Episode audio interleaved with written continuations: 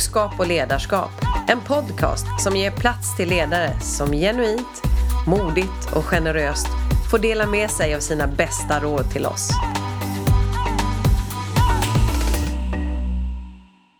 Jag sitter här med Julia Kronlund som är VD på Sevan. Och eh, vi ska ju prata om hur det är att arbeta med eh, personer från olika ställen och som kanske har olika målsättningar. Och eh, innan vi gör det så vill jag ju veta naturligtvis, innan du själv blev ledare, vad hade du för bild av hur en ledare var? Men jag upplever när jag när man pluggade och innan det också kanske att man pratade väldigt mycket om olika ledarskapsstilar. Mm. Du var antingen liksom auktoritär och tuff eller så var du eh, lite coachande och delegerande. Eh, och det är klart att den där auktoritära, tuffa ledaren, den, liksom hade man en bild av att den skapade resultat. Medan den coachande kanske var mer mänsklig. Mm. Och jag hade lite svårt att liksom hitta mig. Vem skulle jag vara? För det var liksom också så boxat på något mm. sätt, de här olika. Um, så att jag kunde aldrig riktigt um, liksom landa i det. Uh, förrän eh, ja, men senare när jag insåg att så behöver det ju inte alls vara. Eh, men, men jag upplever att tidigare så, så pratar man mycket mer om olika typer medan man idag kanske är mer insiktsfull. Att en ledare måste eh, ja, men anpassa sig. Ja, vad skönt. Vad tänkte du nu när du själv är eh, vd och har ett stort ansvar? Vad, vad, vad, vad är din ledarskapsstil nu då? Jag är ju en kameleont, brukar jag känna själv. Mm. Att, eh, eh, olika typer av situationer kräver mm. olika typer av ledarskap. Mm. Eh, sen är det klart att det finns liksom en människa i mig. Mm. Jag är en människa som, som är väldigt glad och positiv. Jag tror att jag inspirerar och engagerar. Eh, men vissa dagar så behöver jag plocka fram den här auktoritära ledaren som pekar med hela handen. Mm. Medan jag andra dagar verkligen behöver vara liksom den coachande och delegerande. Jag tror mycket på liksom situationsanpassat ledarskap. Mm. Och att en individ i en situation mm. kan släppas helt fri mm. medan i en annan situation kanske behöver jättemycket styrning. Så att det, det är väl det som är det häftiga mm. med att vara ledare. Mm. Att man måste känna av och lyssna in och verkligen försöka liksom vara rätt i situationen. Ja, och ni har ju ett spännande företag. Ni, du måste berätta lite. Hur hamnar du där? Ja. Och vad gör ni? Ja, vad De som vi? inte vet. Precis. Ja. Vi, vi håller på att frälsa Norden med hummus. Ja. Um, Sevan är ett familjeföretag mm. med rötterna i Libanon. Mm. Eh, och pappa Irach kom hit för över 25 år sedan och bestämde sig för att alla godheter från Mellanöstern, de skulle han tillgängliggöra. Mm. Eh, nu har det gått många år, så nu jobbar vi med, på Sevan jobbar vi mycket med att genom maten ska vi skapa ett eh, tolerant och mm. nyfiket samhälle. Mm. Vi tror att maten över maten, liksom, då kan alla samsas. Det finns inga vi eller dem, utan bryter vi bröd tillsammans, då hittar vi varandra. Det är ett häftigt uppdrag och jag kan tänka mig mm. att det är mm. något som verkligen motiverar att gå till jobbet mm. de ja. månaderna. Ja. Men vad, vad, vad, vad, märker du, vad, kan, vad är det som kan vara komplicerat med det då? Nej men det är klart att vi alla är liksom påverkade av vår uppväxt. Mm. Eh, vi har ju en väldigt hög andel mångfald på mm. Sevan. Mm. Vi har mm. framförallt mycket människor från Mellanöstern. Mm.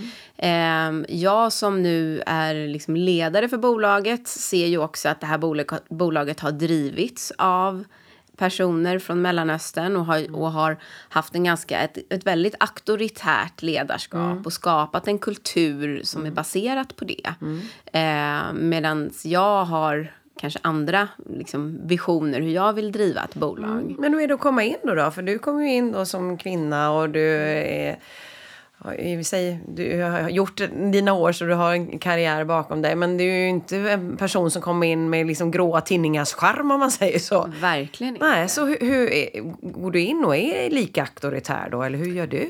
Nej men alltså jag tror ju, jag har ju jobbat i bolaget i fyra år innan jag fick vd-posten och jag ser ju och känner att jag har ett mandat från familjen att verkligen göra en förändring. De ser ju att det här behöver förändras och det är ju väldigt insiktsfullt från deras sida. Verkligen. Eh, men sen tar det ju tid att förändra en kultur. Alltså det gör ju det. Och människor som har varit vana vid att någon pekar med hela handen och säger så här ska du göra. Och så kommer det plötsligt en chef som säger, ja men vad tycker du? Det kan ju också många gånger uppfattas som men vad är det här för person som inte har, vet hur vi ska göra? Att jag liksom underminerar mig själv i och med den inställningen. Liksom. Men är det inte lätt också då att falla i, i fällan, höll jag på att säga? För att vi tycker ju alla att det är mycket lättare att tala om för folk vad de ska göra än att de ska tänka själva. Så blir det inte lätt att gå in i, jo men du ska göra så här. Ja, Fast jag, jag tänker väldigt mycket att det, jag är bra på det jag är bra på. Men eh, alla andra är ju bra på det. De, alltså, de är ju specialisterna. Så jag kan ju inte tala om för dem vad de ska göra. Ah, okej. Sen är det klart att när det kommer upp, jag har ju en medarbetare, när han kommer upp till mig och så säger han, titta här Julia, här har vi ett problem. Och så tittar han på mig och söker min hela handen liksom. Och så säger jag till honom, ja men eh, har du pratat med den här och den här personen, vad säger de? Och så ser jag hur han tittar på mig och bara, men kan du inte bara tala om för mig hur det här ska göras? Ja, Eller kan du inte precis. bara ringa till den där personen och Ja. så? Ehm, men, men där får man bara nöta på och gå vidare och, och liksom, så att Men accepteras det då? då? Ja, men jag, jag, det tar tid. Men vi, vi börjar bygga en sån kultur nu. Och vi lockar ju också till oss den typen av arbetskraft. Där man vill vara med och påverka. Ah, För det är ju den stora liksom, vinningen. Det är vi tillsammans som gör det här. För där kan jag också tänka mig att många säger att de vill vara med. Det är väldigt lätt att säga, du vet, de rätta orden. Men hur gör du, eller rätt sagt vad behövs vara på plats för att det verkligen ska bli verklighet då? Nej, men jag upplever ju att det är ju många gånger lätt att... Alltså när, du, när du leder i mångfald så behöver du i alla fall i en början använda ganska mycket tvingande åtgärder. Det är så. Jag upplever att folk Kan du ge något exempel på vilken typ av? Nej, men det kan vara en sån enkel sak som att du ska ha en konferens och du ska sätta dig vid bords. Och då sätter man sig med dem, de som pratar ens eget språk. För då kan man, man vet ju själv när man är utomlands och är med grupper och gud vad lätt att sätta sig med svenskarna. För då kan man prata sitt eget språk och känna sig bekväm med det. Men det blir ju noll integration mellan de olika avdelningarna. Eh, så att där, där handlar det om att bordsplacera. Simple as that. Bordsplacera. Eh, det handlar om att skapa möten, eh, men, alltså men, mentorer. En svensk och en invandrare träffas en gång i månaden och äter lunch tillsammans för att lära sig om varandra. Alltså vi måste skapa de här mötena för att bryta ner eh, barriärerna. Så det är lite sätta det som en process också Absolut, och, och synliggöra det. Här vill vi att vi ska mixas med varandra. Vi, hade, vi åkte till Prag med, med eh, kontoret för eh, några år sedan. Och då var det, och då, för vi har ju lagerarbetare och vi har tjänstemän. Och det är väldigt lätt att lagerarbetarna är med varandra och tjänstemän med varandra. Och första kvällen när vi skulle sätta oss ner och äta middag, då gick jag medvetet fram och satte mig vid lagerarbetarnas bord. Och det blev helt tyst. Ja. De tänkte så här, "Ha, gud vad ska vi prata ja, precis. men de insåg att vi kan sitta och skoja med henne precis som vilka andra som helst. Sen så pratar vi liksom engelska ibland, svenska ibland och jag får lära mig lite arabiska. Men det är liksom, då bröt jag isen. Och, och, och det är ju det, man måste ju leda genom att visa. Vad, vad, vad har du varit med om för situationer där du känner liksom att... eh, För jag kan tänka mig att ibland så blir ju du... Ibland hinner situationen ifatt dig innan du inser vad som har hänt. Ja men så är det ju. Och jag har ju varit med om liksom många så här dråpliga grejer. Bland annat att vi har bokat konferens under eh, Ramadan. Så att liksom halva, halva deltagarna kan inte äta eller dricka. Vilket känns ju, det är ju så pinsamt. Ja. Hur kan jag inte ha koll på det här? Eller att jag går ner och sätter mig framför datorn bredvid en medarbetare som, som har Ramadan och så sitter jag och, och kör min lunch framför datorn och sitter och smaskar mitt framför ögonen på honom.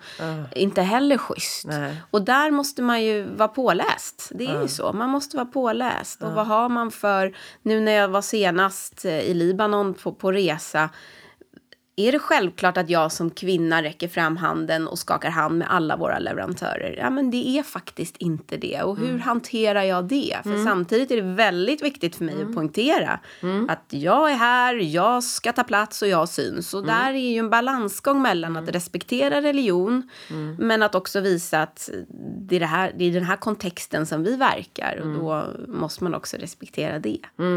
Ja, för jag kan tänka mig också att du kommer ju över lite till det. Det blir ju en, en väldigt komplex komplex fråga naturligtvis. För att om du då kommer utifrån ett mer auktoritärt ledarskap och så kommer du in med lite mer då, om man säger då svenskt, lite mer konsensus och det här jag hör att du skickar tillbaka folk med frågor och så vidare och låter andra ta ansvar. Vad, vad, vad blir själva liksom konflikten i det hela som du ser det?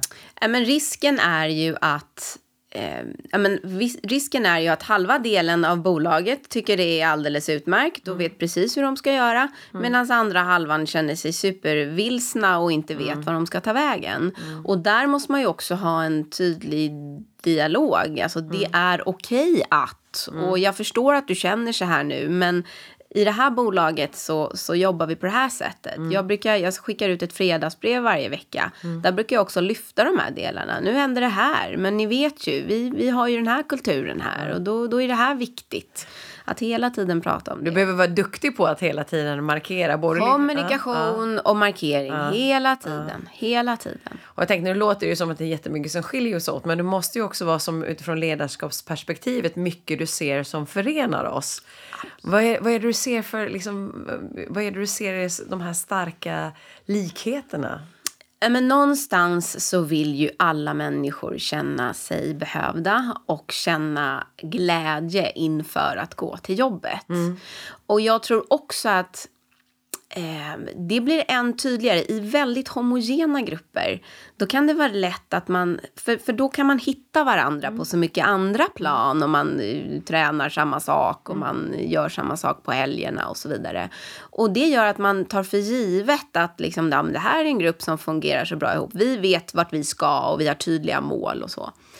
Men i en grupp där det kanske inte är självklart att man liksom pratar om hur barnen lämnas på dagis och allt det där. Då gäller det ju att hitta andra saker och, och liksom, eh, samlas kring. Och då blir det så tydligt att det här med att jag går till jobbet, varför gör jag det? Det högre mm. syftet. Mm. Eh, att känna att ja, men vi gör det här tillsammans och det är hit vi ska. Och idag gjorde vi det här som gjorde att vi tog oss dit. Och, och det blir bra för då börjar man också verkligen uttala. Vad är det vi ska göra? När har du gjort ett bra jobb och jag har gjort ett bra jobb? Eh, för alla vill ju någonstans känna sig glada i sin tillvaro. Mm. Eh, och det tror jag inte man ska luras över i homogena grupper. Att det behövs den tydligheten för att man ska tycka att man har ett roligt arbete. Och jag kan tänka mig det är väl snarare det som är egentligen lite ett misstag vi gör. Att vi förutsätter att eh, så här är det. Vi jobbar alla mot samma mål men vi säkerställer det inte. Precis, ja. och man antar det för ja. att vi kommer så bra överens. Ja, precis. Det är ju eh, trevligt när vi ja, men, ja, men verkligen. Men ja. vi har egentligen ingen aning om vad det är vi ska göra idag. Nej, nej. Men vad jag tänkte på, du behöver ju vara duktig på att prata målsättningar. Men hur får du dina medarbetare vara det? För jag vet ju själv hur det är när jag kommer till jobbet. Du vet, mejlen och allt det här som ska göras. Jag går ju inte att prata om våra övergripande mål och visioner varje dag eller varje vecka. Borde kanske göra det, men jag gör det inte. Hur gör du? Ja, men vi jobbar jättemycket med målstyrning. Där målstyrning har börjat i ledningsgruppen. Vad är våra liksom, prioriterade mål? Sen ska de målen jackas in för respektive avdelning. Hur kan finans... Vi har som övergripande mål i år ska vi banne med sälja 260 miljoner kronor, punkt slut. För en finansavdelning kan det vara... Ja, jag är ingen säljare, tänker nej, finans. Jag kan nej. inte bidra till det. Nej. Men det är klart att du kan. Vad är finans mål för att de ska hjälpa till organisationen okay. att nå mm. 260. Och vad är det sen för aktiviteter som mm. de ska fokusera på varje dag. Och det får de hitta själva eller? Ja, det jobbas fram i workshops. Sen mm. har vi veckomöten på alla avdelningar mm. som pratar om de här målen. Mm. Har vi gjort våra aktiviteter? Glad glad gubbe, ledsen gubbe, mm, röd, mm. grön, gul, vad det mm, nu kan vara. Mm. Så att det, det, måste finnas på agendan. Det är ju mm. vi, liksom, ja, men det är vi ledare som på något sätt mm. visar vad som är viktigt. Och jag har ju många medarbetare som är så här, men gud jag hinner inte det här, det här är liksom, det går inte. Ja, men, om det är något du ska hinna, då är det att veta hur går det, vad gör du? Och har, har vi gjort det bra? Hur får ni in det då utifrån målsättningen är som säger att, att göra en, en viss summa men då kopplat till att det är där ni vill få synergierna för människor att mötas över maten. För det är ju där jag kan tänka mig själva glöden och gnistan är. Gud ja, och det är ju där som är svårt som, som, som ledare att koppla det här det högre syftet till de här äh, tråkiga liksom, siffermålen. Men där handlar det ju någonstans om att det där 260, det finns där och det har vi ju också illustrerat. Vi har en stor cylinder när du kommer in till oss mm. som vi fyller med kikärtor så ser vi hur det går. Men någonstans så pratar jag mer om varför går jag till jobbet idag. Ja, Förstår ni att vi hjälper till ja. att skapa det här bättre samhället? Så att det är klart att eh, man, man måste koppla de här mjukare värdena till siffrorna. Eh, och det kan ju vara aktiviteten också mm. då som mm. blir lite mera mjuka och hands-on. Mm. För det där 260 någonstans där uppe, det är svårt att relatera Precis. till. Och hur, hur, gör du då med dina medarbetare? För jag hör ju att du har satt en ära i att prata om det. Men hur får du andra att göra det? Det är ju en sak att du gör det, men hur får du de andra att göra det då? men ja, vi, vi jobbar mycket med att det är vi tillsammans som gör det här. Eh, nu på sommarkonferensen så tog vi foton på alla medarbetare och det var också jättehärligt att se Ja, men för oss kanske det är självklart att vi har tio olika tusen foton på oss som vi har tagit. Men, men det här är liksom människor som kom till Sverige för två år sedan och blev ju så, du vet, det, det kom med kavaj och de skulle ja. vara liksom så ja. himla häftigt. Så alla, vi har tagit kort på alla med namn, satt upp i receptionen. Ja hänger alla foton, alla är lika viktiga. Och, mm. och vi har pratat jättemycket om att det är vi tillsammans. Mm. Gör eh, Abdullahad på lagret sitt jobb och plockar rätt kollin. Mm. mm. Då är det precis lika viktigt som att jag mm. som vd gör någonting annat. Mm. Och att sätta en ära i och en stolthet i att om vi gör det här tillsammans nu, då kommer det bli riktigt bra.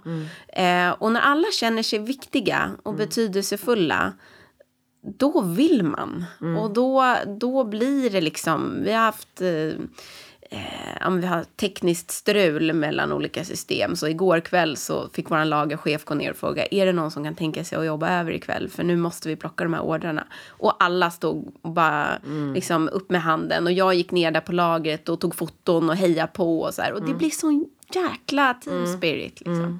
Så att hands on och vi liksom mycket vad menar vi med ni tillsammans då? Mm. Jo men mm. det är ju verkligen att, mm. att alla betyder. Men det är kul att höra för det visar ju verkligen på det här medarbetarengagemanget. Man pratar om att en engagerad medarbetare vill göra det här lilla extra. Verkligen. Ah, ah. Verkligen. Hur når, når ni ut till kunderna? För jag tänkte det här är ju, det är ju en fantastisk källa i organisationen. Och här blir ju då eh, en utmaning att få ut det så att vi andra får veta det också.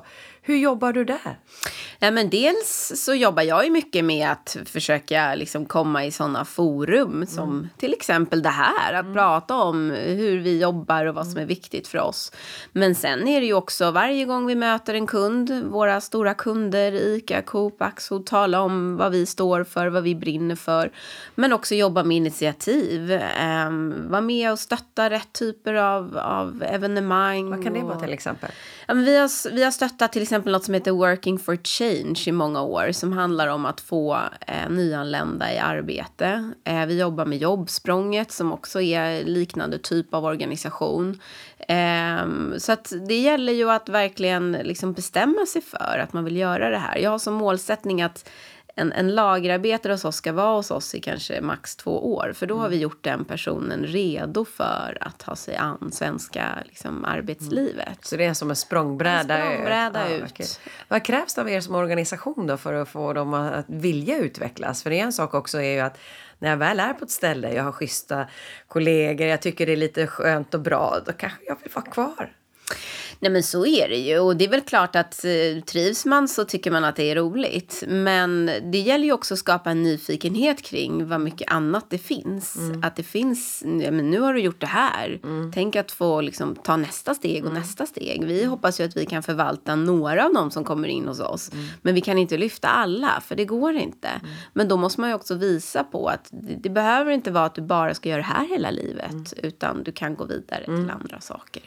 Vad är det du ser är den största utmaning just nu?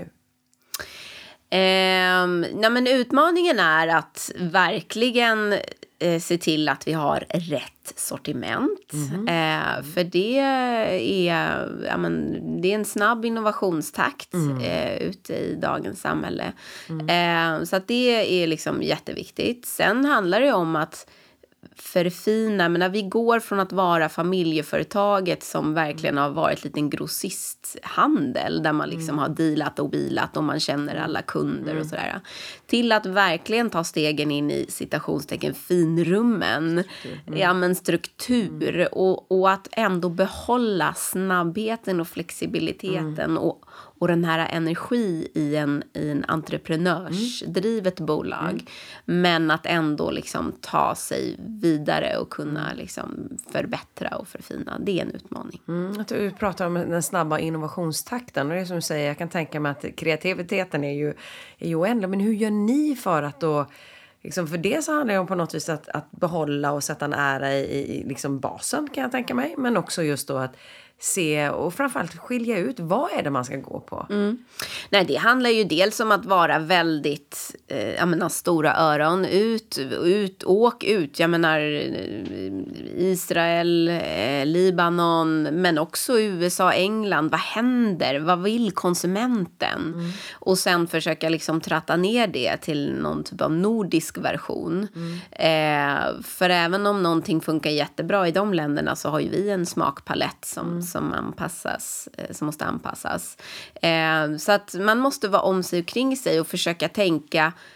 Ofta tänker jag så här, det är ju de där grejerna som man inte vet existerar idag. Det är mm. de man ska komma på. För mm. börjar man bara liksom anamma något som någon redan har mm. kommit på då blir man liksom en, en metoo-produkt. Så det gäller verkligen att försöka liksom trendspana ja. eh, jättemycket. Ah. Och sen som sagt också, vad är det vi ska stå för? Ah. Vi kan inte göra samma sak som eh, Findus eller nej, liksom dem, utan vi måste göra det på vårt sätt. Och hur är det? Så. så. jag kan tänka mig, du pratade lite om smakpaletter, att det är olika mm. man säger, i Norden och sen övriga andra länder och övriga kontinenter. Men hur är det med ledarskapet där då, om vi går tillbaka till det? För det är ju vi brukar ju säga då att det svenska ledarskapet är väldigt involverande och så vidare. Så nu när du har jobbat liksom på båda sidor, vad är det du ser blir egentligen svagheten med vårt sätt att involvera och delegera och försöka få medarbetarna att ta så stort ansvar som möjligt? Men någonstans så kan det ju ibland, alltså man antar ju som, som, som svensk chef och ledare att alla vill och kan påverka. Um, och det gör att man ibland kan ha svårt att faktiskt uh, komma fram till vad är det vi ska göra. Ibland så kan det ju vara väldigt enkelt när någon säger, vet ni vad? Det här ska vi göra. Och sen kan liksom kraften samlas kring, okej, okay, hur gör vi det här på bästa sätt? Um, och det är mycket möten och alla ska tycka till. Och många gånger så är det ju tio personer som säger samma sak fast på sitt eget sätt. Och då är det ju så skönt att kunna säga, vet ni vad? Nu bryter vi här, det är så här vi gör. Och det är klart att eh, det, är inte, det är inte alltid det är fel heller. Utan eh, man måste också våga eh, visa, peka med mm. hela handen. Och det var det jag sitter och tänker på när du säger det. Det kräver ju lite självförtroende och mod att säga så. Vad, ja. vad, vad har gjort dig så modig? Nej, men jag, jag, eh, jag tror att jag är en, en, en, en kvinna med bra självförtroende. Mm. Jag tror att jag, eller jag vet att jag hellre tar ett beslut snabbt, mm. ser hur det går. Mm. Går åt skogen, mm. ja då gör vi om det. Um, och jag gillar, jag gillar ju att fatta beslut. Jag gillar ju att bestämma. Annars mm. skulle jag liksom inte vara där jag är. Men, men självförtroendet är ju oftast någonting som byggs upp. Eller har du alltid haft gott självförtroende när det gäller att fatta beslut och, och driva? Eh, nej men jag jag tror att jag har liksom skolats in. Jag vi trodde ju att jag skulle bli skådespelerska när jag var ung. Eh, för jag kommer från en väldigt estetisk familj. Mm. Alltid gillat att stå i centrum och, och ta plats. Mm. Sen så måste ju det bottna i någon typ av liksom erfarenhet och kunskap. Så att det är klart att jag kan liksom tänka tillbaks på hur jag tidigare liksom har stått fast vid grejer fast jag liksom egentligen inte alls kanske Nej. kan bottna det i någonting. Och då Nej. får man ju så här att man tycker att det är lite pinsamt ja. när man tänker på det. Det är det man lär sig av. Det är det man lär sig av, verkligen. Det är det man ja. lär sig av. Men eh, nej, men det, ja, jag har nog känt att det har funnits i mig. Ja. Så när du tänker, om du tittar tillbaka lite grann, vad har du för situation där du känner liksom att ja men där, där fick du oh vad du fick anstränga dig och du fick verkligen, för det handlar ju lite det här också om att lita på sina egna värderingar och vi har pratat om att vara sann mot sig själv och samtidigt matcha upp det som förväntas av dig. När senast var du med om en situation där du verkligen liksom, åh, du fick ta i? Eh, nej men jag har ju en, jag har ju ett, eh, en komplexitet på, på jobbet idag där jag har eh, pappa Herac som har startat bolaget som jag ju har fått fullt mandat att leda bolaget av och även hans son Mikael då som var vd innan mig.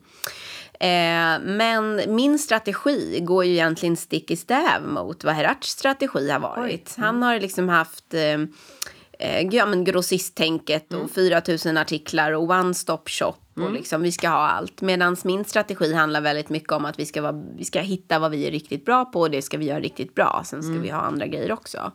Eh, och där kämpar jag dagligen med att det är svårt att säga till en person, mm. för han är lite aktiv i bolaget fortfarande. och Eh, även om jag känner fullt mandat så är det svårt att tala om en person som har liksom skapat allt mm. det jag jobbar med idag. Mm. Att så här, vet du vad, lugna dig nu för nu ska vi göra så här istället. Mm. Och det kräver eh, väl, ja, men det kräver mod mm. känner jag. Mm. Och eh, också en tro på att är, har jag rätt? Mm. Är det här rätt ja. strategi? Ja, ja. Eh, men någonstans så måste jag exekvera på det och tro på det jag tror på. Eh, men det, det kan jag uppleva som utmanande. Och då hör jag också att du behöver vara ganska diplomatisk i ditt sätt att kommunicera. Så vad har du för bra råd när vi vill säga saker och ting som är lite sådär men jag tror på att vi, vi har väldigt högt i tak när vi pratar. Ja, vad innebär det, det Ja, men det innebär att första gången jag stod utanför Ratchum och skulle gå in och möta honom tänkte jag gud han måste ju, den här personen han står där inne och pratar med de är fly förbannade på varandra. Eh, för de stod och skrek och viftade med händerna och allt sånt där. Eh, men det har jag ju insett att, att så, liksom, det kan man göra men sen kan man också liksom krama om varandra och ah. skratta tillsammans. Så att, jag, jag tror att det handlar om att blanda blanda tydlighet med eh, liksom glädje och, och, och kärlek. Att mm. jag, jag tror på det här, lita mm. på mig. Mm. Eh, du har gett mig den här uppgiften så mm. låt mig flyga med den. Mm. Eh, och också liksom tillbaks då peka. Alltså han är en typisk sån person som jag måste peka med hela handen för han mm. har det i sitt ledarskap. Så när jag går in i diskussioner med honom då är jag superauktoritära Julia. För det är det han svarar på. Eh, Medan när jag pratar med någon annan gör jag på ett annat sätt. Ja. Men sen kan vi när vi har stått och skrikit och viftat med händerna krama om varandra och säga okej, okay, men nu gör vi så här. Ja, liksom. Då har ni bestämt Ja. Vad härligt. Och jag tänkte på eh, när du också nu och tittar tillbaka, för du har jobbat i bolaget fyra år säger du. Och så du, jag kan tänka mig du kommer ju att göra massvis med saker som du är stolt över här under resans gång. Men så här långt, vad är det du känner att du är riktigt stolt över? Ja, men det är nog att, för, att jag har förändrat kulturen på bolaget. Mm. För det är, sånt tar tid och det är svårt. Mm. Och där upplever jag att när jag började på Sevan så fanns det i väggarna att så här, vi är bara arbetare och vi gör bara som vi blir tillsagda. Vad var det som var på plats då? Eller vad var det du kände som gjorde att du kunde tolka det på det sättet? Nej men det är väl också hur folk uttrycker sig. Nej men det är väl ingen som bryr sig om vad jag tycker och okay. tänker. Eller nej men vad då höj och sänkbara bord. Det är väl ingen som, vi är väl inte viktiga. Det ska mm. bara bara var det billigast. Ja, men det liksom mm. den lite mm. också, lite martyr och lite mm. också hur man klockar folk in och ut och det ska mm. vara liksom mm. in, som, som den gamla industri, liksom på industri, ja. industrins tid. Ja, ja. Ehm, och där, ja, så att, så att det fanns i väggarna på väldigt många olika sätt kunde man känna av det.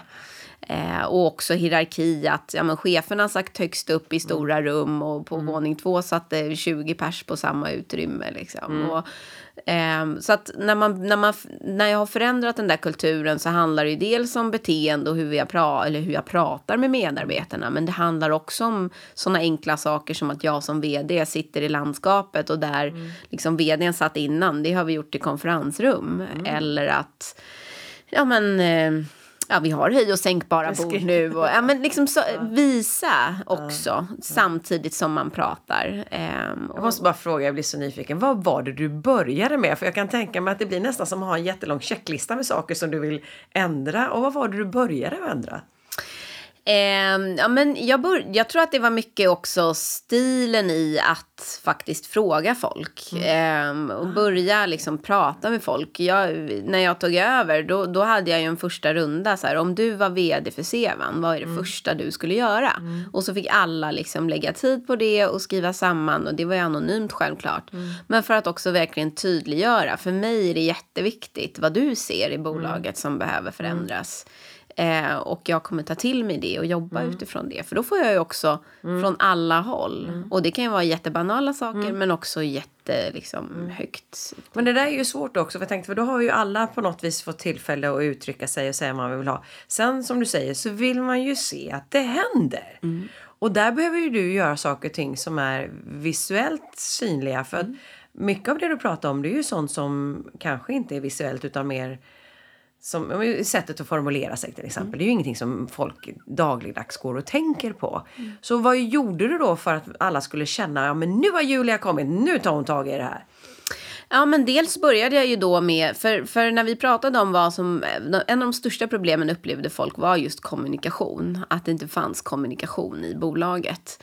Eh, och då handlar det mycket om att börja bara. Så jag började till exempel med mitt fredagsbrev. Där jag under veckan tog bilder när jag var i olika möten eller gick ner på lagret eller var ute och gjorde sådana här saker. Eh, och började kommunicera med folk. Det här är det som händer. Idag har Björn ute på fältsälj, han har gjort det här och vilket bra initiativ. Vi har en värdering som heter mod och utvecklas. Idag har Ninva verkligen visat på hur den här värderingen kan eh, ja, men, levas efter och verkligen förtydliga när vi, när vi pratar om ma- glädje till mat. Vad menar vi då? Jo, men när den här personen gjorde så här gud vad, vi, vad den personen agerade som vi ville. Lyfta upp bra exempel, prata om det. Ehm, och vi har startat WhatsApp-grupper och, ja, men för att ja, kommunicera helt enkelt. Och jag hör att du är bra på att också förstärka vad som är viktigt för er, era mission så att ni verkligen tydliggör det hela vägen att ni jobbar med det. Jo, det är så lätt att prata om de här värderingarna. Men vad är de då? Vad betyder de? Hur kan jag som medarbetare leva efter dem och agera efter dem? Då måste man ju visa på när någon gör saker bra och rätt. Vad är det du såg sen kom i våg två då, då som du kände att du var tvungen att ta tag i? Nej, men sen är det ju, sen sköljer ju ofta det här kaoset över en. För att alla liksom, oj, oj, oj, och nu händer det massor och förändringar och, och alla vill tycka och tänka och så. Så man bjuder ju in och då får man hela, liksom, man ger lillfingret och så får man hela handen. Men det är ju jättehäftigt. Men, men där gäller det ju också att och precis som du själv var inne på, för folk förväntar sig ju att se förändring, inte bara tala om förändring. Liksom. Ehm, så det gäller ju att eh, försöka också tydliggöra att i en förändringsprocess så är kaos en natu- ett naturligt steg. Det är liksom okej att vi känner lite oro nu och att vi är lite stressade kring vart, vart det här landar någonstans. Men det måste få vara så. Ehm, och att, att jag som chef ändå som ledare liksom är tydlig med att det här är precis enligt plan. Det här är precis enligt min plan att, att vi är inne i den här fasen nu. Och sen ska vi komma vidare och vidare och vidare. Liksom. Så att det inte blir att oj oj oj det var lät bra i början men nu är det flyr alla som är liksom yrna höns. Och det. Det jag hör är ju också att du är duktig på att stå stadigt i det som, både det du själv säger att du ska göra och hela liksom den reaktion du får på det du säger. Så jag ser ju att du har, du har liksom ett smart sätt att eh, disponera ditt ledarskap. Det jag undrar över lite grann, att du, du måste ju ändå på något vis, det är lite grann känna pressen själv och jag kan tänka mig att det måste ju vara en egen eh, inre stressprocess att hantera. Vad är dina bästa tips när det gäller att hantera stress? Vad gör du själv när du känner att det bara... Du vet, kommer. Mm. Nej, jag hade, jag hade en sån eh, bilfärd hem igår när jag liksom har suttit länge och arbetat och jag var den sista kvar och så kände jag så här, gud, är, är vi på rätt väg? Ja. men liksom, har, jag, är, har jag koll på läget så? Ehm, nej, och där, där tror jag att så här, man ska absolut inte, jag skrev det i mitt, ja, några, något av de senaste fredagsbreven att det här med reflektion. Att ge, alltså det är så lätt nu att bara springa i 180 och inte tänka efter. Att mm. faktiskt liksom ge sig själv tid för reflektion. Mm. Eh, men att också liksom våga lita mm. på sig själv. Mm. Um, och där tar jag ju också hjälp av min ledningsgrupp. Hörni, jag känner så här nu, nu mm. vacklar jag lite. Mm. I den gruppen, det måste ju finnas grupper där man vågar mm. visa sårbarhet och där mm. man vågar blotta sig. Nu känner jag så här. Liksom, och då får de lyfta mig. Mm. Medan någon annan, i något annat möte, då måste jag lyfta någon annan. Så att, jag tror att också det är viktigt som, som, som ledare och, och framförallt yttersta chef att våga vara sårbar och mm. våga känna att mm. jag, jag, jag, måste också få mm. ifrågasätta mig mm. själv. Nu kommer ditt modiga Julia fram igen. Bra. Men jag tänkte också på det här som säger reflektion. Och det är ju en sak som gör naturligtvis att vi liksom kan hinna ikapp det. Men det är ju inte så lätt att göra när man har mycket om. Så jag tänkte som du säger, du sitter och jobbar sent. Och jag kan tänka mig att det är inte så att det liksom är färdigt när du kommer hem. Utan det blir... Hur, hur gör du då för att på något vis få... För man måste ju nästan ha en liten ett litet avbrott för att hitta den här med reflektionen. Hur gör du Nej, men, och det, det? det är så viktigt. Jag vet inte hur. Nu gjorde jag det senast i förra veckan. Sa till en av våra medarbetare. Vet du vad? Nu är du god och går hem. Du kan inte sitta här varenda kväll och jobba. Du måste gå hem nu. Mm. Får vi inte den här tiden hemma med familjen och liksom stänga av, mm. då, då, blir det inget bra. Mm. Och där tror jag en av mina styrkor är att jag har en förmåga att sätt, ha en av och på-knapp. Mm. När jag kommer hem, då, då kopplar jag bort. Mm. Och då kan jag vara bortkopplad. Och så vad gör du när du kommer hem då från jobbet? Hur ser liksom första? Ja, men då eh, hetsskalar jag potatis och sätter på korven på, liksom, ste i stegpannan. För jag har ju en, en treåring och ja. en, en sexåring hemma. Ja. Och det är befriande, för det finns ingen tid till Nej. att liksom, tänka på annat. Um, men sen, och sen går ju alltid fullt ös till mm. att de somnar. Och sen mm. så, ja men och jag och min man har sagt så här, en dag i veckan mm. ska vi ge varandra en telefonfri och jobbfri kväll. Mm. När vi sitter ner och pratar. Hur mm. mår du? Vad, vad, vad, har du gjort? Och, och, så. För att verkligen stänga av allt annat. Sen har jag min träning på morgnarna som är mm, viktig för mig. Eh, som jag, där jag får liksom mm. egen Julia-tid. Vad, vad, vad gillar du att träna då? Är det... Jag springer en hel del. Eh, men sen kör jag också så klassisk eh, styrketräning på gym. Mm. Liksom. Eh, mm. Så det är lite blandat. Jag kör yoga också på måndagar. Mm. Som är sån här meditations... Den, den signade jag faktiskt upp på när jag var inne i en så riktigt tuff period. När jag kände att så här, nu, nu måste jag bara hitta hitta tid där jag mm. får liksom vara mm. i, nuet och släppa allt mm. annat. Mm. Eh, så då signade jag upp för en sån här mindfulness yoga som mm. handlar om att liksom bara släppa allt mm. annat och vara där. Och den, den är så betydelsefull. Och fler, alltså vissa tider än andra. När jag har det jättetungt då, då, då är det liksom nästan en, en, en livs, mm. eh, ett livselixir för mm. mig. Så mm. man, ja, det, man måste hitta de där uh, ventilerna när man liksom kan få pysa ut. Ja, du har bra självkännedom. Ja. det är bra. Du berättade ju tidigare här eh, att när vi träffades att du har bott i Kina. Mm. Mm. Och du hade bott där ganska länge också? Eller? Nej, no, det, det ska jag inte stoltsera med. Men jag, nej, jag, hade, jag pluggade ju internationell ekonomi. Mm. Så då åkte jag dit och gjorde ett eh, en utbytestermin och sen stannade jag kvar där och skrev min magisteruppsats mm. eh, och liknande. Så att, det blev ett år typ? Ja, precis, ja, precis. När du ser tillbaka på den tiden, vad är det du ser att du har lärt dig mest om dig själv? Ja, men där... Jag, jag, hade en vision. Innan, innan jag började plugga på universitetet så var jag i USA. Mm. Eh, och kände att... Jag var, jag var på eh, västkusten och tyckte att det var superflummigt och alla bara gick lugnt i flipflops och surfbrädor och rökte marijuana och det var ingenting för mig. Så sen när jag då skulle iväg på det här så tänkte jag men då drar jag till andra sidan ja. för det passar säkert mig.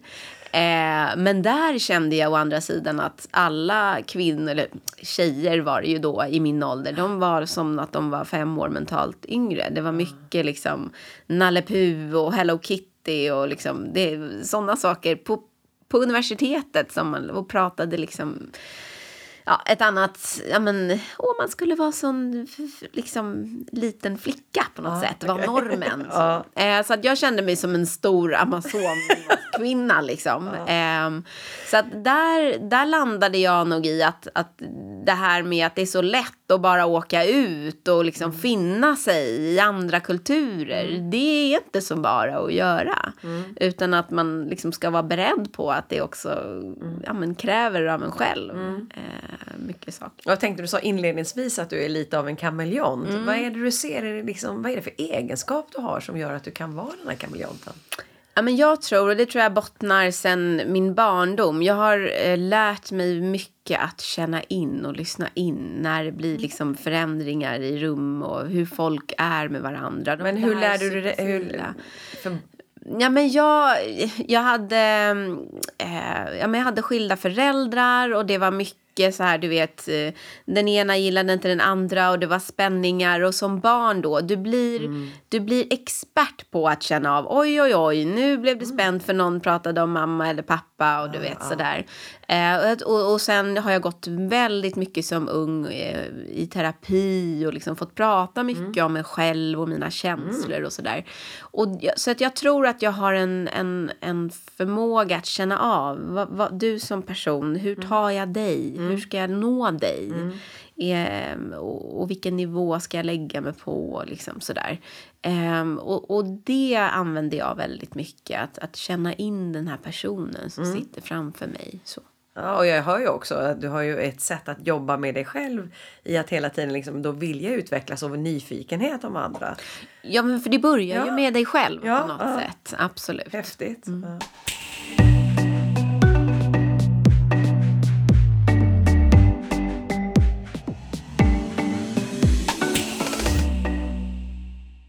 Om du nu skulle ge tre råd till personer som liksom är, du vet, ja, det, de, har, de kommer från olika håll. Det kan vara olika åldrar eller just att det är en, en arbetsplats med mycket mångfald. Vad skulle vara dina tre bästa råd för oss när vi är i den miljön? Och gärna utifrån ledarskapsperspektivet. Mm, ehm, nej men då tror jag, och det här gäller faktiskt inte bara när du leder i mångfald, men jag tror att det blir än viktigare när du leder i mångfald. Det är att hitta det här högre syftet som kan sammankoppla människor oavsett vad du har för kultur eller språk. Eh, något som vi alla kan skriva under på och känner är viktigt. Liksom. Så att det, den, det är en, en viktig del. Eh, Sen tror jag att det är viktigt att förstå att absolut så skapar grupper med hög mångfald bättre lönsamhet och liksom bättre resultat. Men det tar tid att få en grupp att jobba gemensamt. Du har språkförbistringar, du har liksom olika religion. Eh, och där handlar det ju om att, att använda sig utav ibland tvingande åtgärder för att få den här gruppen att liksom komma till nästa fas. Ehm, och sen nummer tre tror jag också att det handlar mycket om att vara den här kameleonten. Att, att, att lära känna den här, liksom, var kommer de här personerna ifrån? Hur leder jag en kvinna som är 25 år kontra en man som är 64 och kommer från ett annat land?